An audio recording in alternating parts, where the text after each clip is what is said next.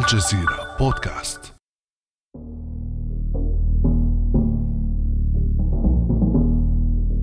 Ey katil Esed!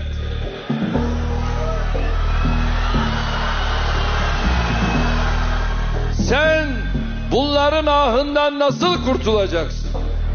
يا اسد يا قاتل كيف ستتخلص من آهات هؤلاء الأطفال؟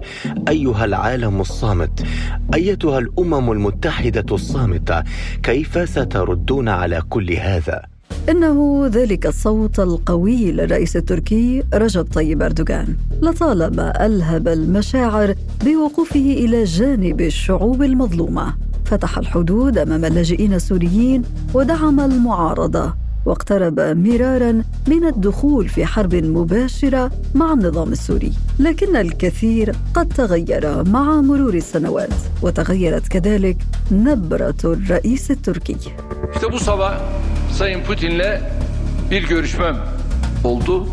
Suriye'deki gelişmeler, Rusya, Türkiye, Suriye olarak istihbarat, savunma bakanlarımızın Moskova'da biliyorsunuz تحدثت مع السيد بوتين هذا الصباح لقد قيمنا العلاقات التركية الروسية وبشأن التطورات في سوريا فقد بدأنا في موسكو مسار اللقاءات على مستوى الاستخبارات ووزراء دفاع كل من تركيا وروسيا وسوريا.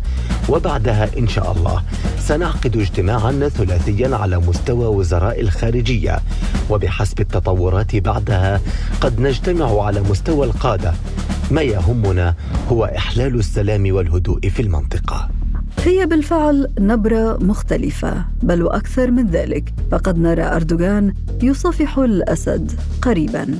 فما الذي تغير في مسار العلاقات بين أنقرة ودمشق بين الأمس واليوم؟ ولماذا تبدو خطوات رأب الصدع سريعة جدا من الجانب التركي تحديدا؟ وهل يتم بالفعل طي صفحة الثورة السورية أم أن في جعبة أردوغان شروطا ليفرضها على الأسد؟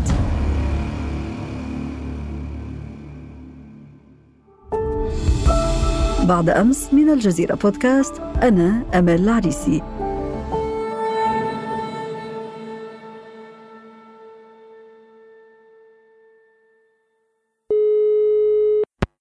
وأسعد في هذه الحلقة باستضافة صديق البرنامج الدكتور عبد الله العقرباوي الباحث في العلاقات الدولية. أهلا وسهلا بك دكتور عبد الله أهلا أهلا بك أستاذة آمال وبالمستمعين الكرام. دكتور عبد الله استمعنا معا إلى التصريح الأخير للرئيس التركي رجب طيب أردوغان الذي تحدث فيه عن إمكانية عقد لقاء قريب يجمعه بالرئيس السوري بشار الأسد. كثيرون اعتبروا هذا التصريح مفاجئا وهو ما يدفعنا في بداية هذا النقاش إلى التساؤل عن التوقيت. لماذا الآن سواء على مستوى الحسابات الداخلية أو الخارجية بالنسبة لتركيا؟ حقيقة أن المتابعين لشأن الأزمة السورية والمحاولات التركية للتقارب لا يروا في هذه الأخبار أي مفاجأة. هذا المسار ابتدأ منذ سنوات تقريبا يعني وهناك لقاءات عديدة يفصح عنها بين الحين والآخر على المستوى الأمني والمستوى الاستخباري وأحيانا على المستوى العسكري. وهناك مباحثات جانبية هنا وهناك. لكن للحديث حول الحسابات الداخلية التركية والخارجية أيضا هناك عدة اعتبارات تحكم التقارب التركي السوري في هذه المرحلة.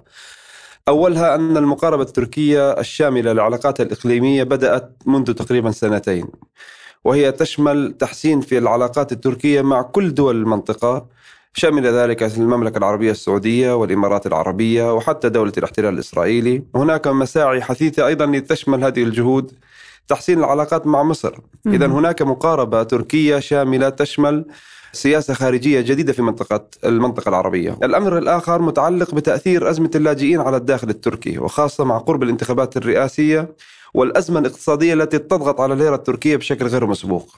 بلا شك أن تداعيات الحرب الروسية والأوكرانية أيضا في هذه الحسابات وهناك رغبة تركية كبيرة في توظيف الحاجة الروسية لموقف تركي غير منحاز للغرب وهذا يؤثر بشكل كبير على الحسابات التركية في هذه المرحلة وخاصة على موضوع التوقيت. حيث تأمل تركيا من توظيف علاقتها مع روسيا في معالجة واسعة للتحدي الامني الذي يفرضه حزب العمال الكردستاني بفرعيه التركي والسوري في شمال سوريا، خاصة أن تركيا سعت عبر المسار الأمريكي لمعالجة هذا التحدي إلا أن تركيا وجدت أن الولايات المتحدة الأمريكية غير جادة في تلبية هذه الاحتياجات الأمنية التركية في الشمال السوري مما دفعها بشكل سريع لمسار التقارب مع سوريا وبالتحديد عبر الرعاية الروسية.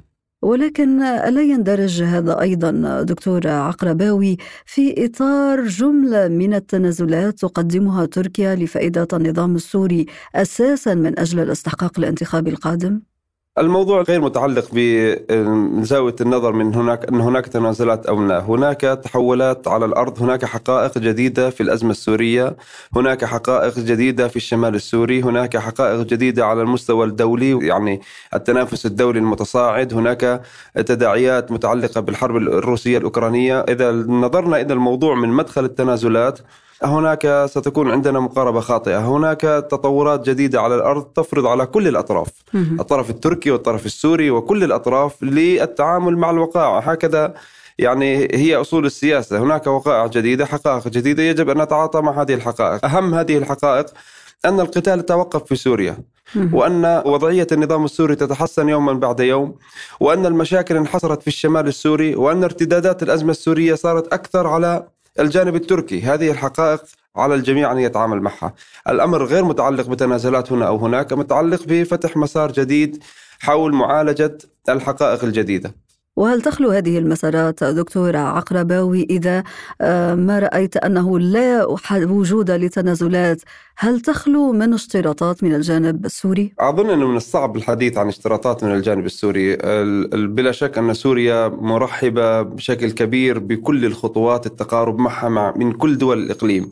والدولة السورية تفهم أن الدوافع مختلفة. هناك تقارب سوري إماراتي هناك تقارب سوري مصري هناك تقارب سوري أردني هناك تقارب سوري تركي. والدولة السورية تفهم أن الدوافع مختلفة ولكنها أمام خيار واحد ووحيد وهي السعي وبشكل كبير للخروج من العزلة التي فرضتها عليها الأزمة الداخلية للتواصل مع كل هذه الأطراف والظهور بمظهر الانتقال من مرحلة القتال إلى مرحلة معالجة آثار الأزمة السورية. إذا أنت ترى دكتور عقرباوي أن هناك رغبة من الجانبين التركي والسوري في دفع هذا المسار باتجاه تطبيع العلاقات بين البلدين ولكن حلفاء تركيا في الغرب وخاصة الولايات المتحدة الأمريكية أعربوا عن رفضهم لهذه المسارات برأيك لماذا لا تبالي أنقرة بتلك الأصوات؟ كما قلنا سابقا أن يبدو أن تركيا قد سئمت من المماطلة الأمريكية والوعود المتكررة من معالجة التحدي الذي تفرضه قوات ال PYD في الشمال السوري وأنقرة كما تعلمون تعتبر آه، هذه القوات هي امتداد لحزب العمال الكردستاني. آه، لقد أعادت تركيا تعريف أولوياتها الأمنية فيما يخص الأزمة السورية وهذا مهم حيث قدمت الخطر الذي يفرضه الحزب العمال الكردستاني على غيره من الأخطار. وهذه الحقائق التي كنا نتحدث عنها قبل قليل. ومعالجة تلك الأخطار لا يمر بوجهة النظر التركية الجديدة عبر المسار الأمريكي الذي يصر على تأمين الحماية والتسليح لقوات سوريا الديمقراطية كما ترى أنقرة. فالاستماع لمطالب الولايات المتحدة بات مضيعة للوقت باعتقادي في الوقت الذي تحتاج به تركيا تأمين حدودها وكف يد التهديد الأمني عن أراضيها. أظن أن التجربة التركية مع الابتزاز الأمريكي لها فيما يخص أمنها القومي حاضر وبشكل رئيسي في الحسابات التركية. ولعل تجربة صفقة طائرات الأف 35 وما رافقها من ابتزاز أمريكي يرخي بظلاله على التوجهات التركية حيال هذا الموضوع. لذلك سعت تركيا لاستبدال هذا المسار والذهاب إلى مسار مباشر بالتواصل مع النظام السوري وبرعاية روسية وهذا مهم. الرعاية الروسية مهم بهذا في هذا السياق. إذا الولايات المتحدة الأمريكية خارج المعادلة الآن وروسيا على الخط. ماذا يريد الرئيس الروسي فلاديمير بوتين من هذه الوساطة أو هذه الرعاية؟ بلا شك أن لروسيا عدة مصالح من رعاية هذا التقارب. فهذا يعزز من دورها في سوريا ويعطي إشارة لعدم تأثير الحرب في أوكرانيا على سياستها الخارجية. وبلا شك أن الرئيس بوتين والحكومة الروسية بحاجة لهذه الدلالة في مواجهة محاولات الغرب عزلها دوليا. كما ترى روسيا منذ اليوم الأول لتدخلها في سوريا أن وحدة سوريا وتمكن النظام من بسط سيطرته على كافة الأراضي السورية يصب في مصلحتها ويعزز مكانتها السورية. وهي ترى أن مثل هذه المسارات التقارب كل مسارات التقارب التي تنتهجها الدول الإقليمية مع سوريا روسيا داعمة لهذه المسارات ومشجعة عليها وأظن أنها تبذل جهود مباشرة في ذلك حتى مع الأطراف العربية غير تركيا لأن روسيا تعتبر سوريا من المساحات القليلة التي تستطيع فيها روسيا مواجهة الولايات المتحدة ومشروعها هناك. وسوريا بالتحديد هي المنطقة الوحيدة تقريبا التي تتواجد فيها قوات روسية وقوات أمريكية. وفرض معادلة أو فرض وجهة نظر روسية حيال مستقبل النظام يعد آه، في مصلحة الاستراتيجية الروسية في سوريا. في نفس الوقت لدى روسيا مصلحة في تعزيز علاقتها مع تركيا أيضا والدخول معها في مسارات تخدم الجانبين. في هذه النقطة تحديدا نظرا لحاجة روسيا للموقف التركي المتوازن نسبيا من الحرب في أوكرانيا ولإدراك روسيا أن تركيا لم تعد تقف على الباب الأمريكي فيما يخص معالجة تحدياتها الأمنية في الشمال السوري. هذه الحاجة الروسية من هذا التقارب يكاد يتساوى مع حاجة الطرفين نفسهما. إزاء هذه الحاجة الملحة وهذه المصالح المشتركة بين تركيا وروسيا وسوريا كل له أهداف معينة؟ روسيا تريد أن تطمئن على مكاسبها في سوريا تريد أن تربح من الموقف التركي فيما يتعلق بالحرب الأوكرانية الجارية.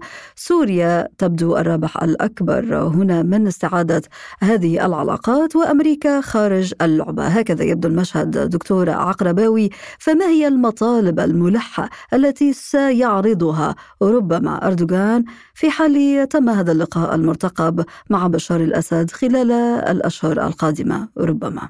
أظن أن المفاوضات بين الجانبين قطعت شوطا متقدما كما قلنا في بداية الحلقة.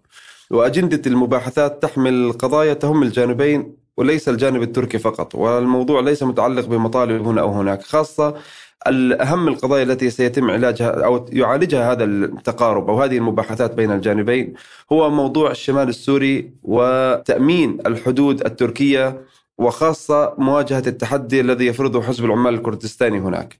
ثانيا القضية الأخرى هي عودة اللاجئين.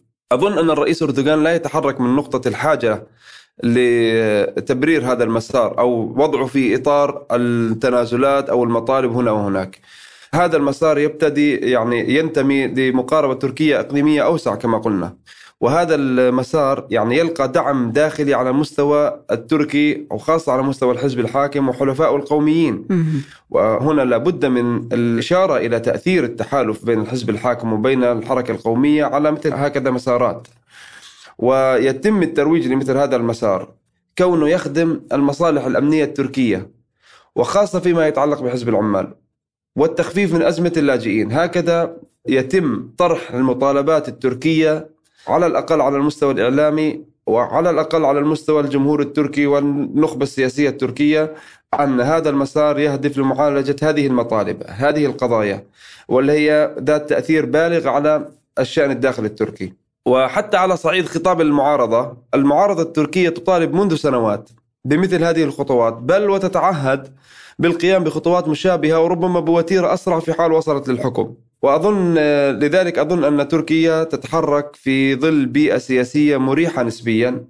ومرة أخرى هذه المباحثات التي قطعت شوطا متقدما تخرج من إطار أن هناك طرفين يريد كل واحد منهما أن يفرض شروطا أو أن يقدم تنازلات أكثر هنا وهناك. هناك مصالح مشتركة ستسهل من هذا المسار. ما تداعيات كل ما تحدثنا عنه؟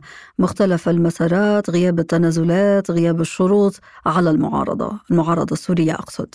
والله هو هذا السؤال يعني الأكثر حساسية في هذه الحلقة أتوقع. أنا لا أظن أن هناك وفرة من الخيارات لدى المعارضة السورية التي يصعب علي كباحث تحديد موقف موحد لها أو حتى وضعها في إطار موحد يمكن شرح وجهة نظر المعارضة السورية. هناك حالة من التشتت كبيرة جدا يصعب على أي أحد فهم ما هي رؤية واستراتيجية المعارضة السورية. حتى تكون طرف مهم ومؤثر في أي معادلة سياسية يجب أن تمتلك أوراق قوة تضعها على الطاولة وهو ما لا تملكه المعارضة السورية اليوم. فهي فقدت التأثير الحقيقي في الميدان وتقريبا انتهى القتال. الوضع في الشمال السوري تحت سيطرة أطراف خارجية. لا يوجد أطراف داخلية أو يعني أطراف من المعارضة السورية لديها تأثير حاسم في أي من المعادلات. طيب هل يمكن الحديث عما تبقى من المعارضة السورية؟ يمكن أن تستفيد من وساطة تركيا بينها وبين النظام السوري؟ هذا أظن باعتقادي أن المرحلة الأولى لن تشمل هذا المسار. يعني الحوار الآن يتركز حول قضايا تخص الأمن وعودة اللاجئين. أما المعارضة السورية التي تشهد واقعا مشتتا ومرتبكا يحد من قدرتها على الولوج في أي حلبة سياسية في الوقت الراهن. أظن أنها ليست على أجندة الحوار ولا يطرح أي من ملفات الوساطة أو التقريب أو أي دور للمعارضة. هي ليست في هذه الجولة من الحوار. هذا يحتاج إلى أن تتحسن العلاقات التركية السورية وتقطع أشواطا متقدمة لتتمكن تركيا من لعب أدوار مشابهة في المنطقة. هناك لاعب أساسي آخر في سوريا يراقب هذا المشهد من بعيد دكتور عقرباوي إيران. أين هي من هذا المشهد؟ إيران كما روسيا ترى أن أي خطوة تعزز من مكانة سوريا وتخفف من الأعباء عليها ستكون محل ترحيب. ولا أظن أن إيران تراقب المشهد من بعيد. إيران تراقب المشهد من قريب خاصة أن هذا المسار لا يؤثر على حساباتها في سوريا. إيران بطبيعة وجودها وعلاقاتها مع الحكومة السورية ليست بعيدة عن هذا المسار. فإذا كان هذا المسار سينجح في إضعاف حزب العمال الكردستاني ويضغط على استراتيجية الولايات المتحدة الأمريكية في سوريا فستكون إيران بلا شك سعيدة بذلك ومرحبة وستدفع النظام ل يعني تحقيق مكاسب من هذه المسارات. العلاقات السورية الإيرانية تجاوزت بمسافة كبيرة مرحلة التأثر بأي مسار إقليمي ممكن أن تخوضه سوريا. الدكتور عبد الله عقرباوي الباحث في العلاقات الدولية شكرا جزيلا لك على كل هذه التوضيحات. شكرا لكم أهلا وسهلا. كان هذا بعد أمس.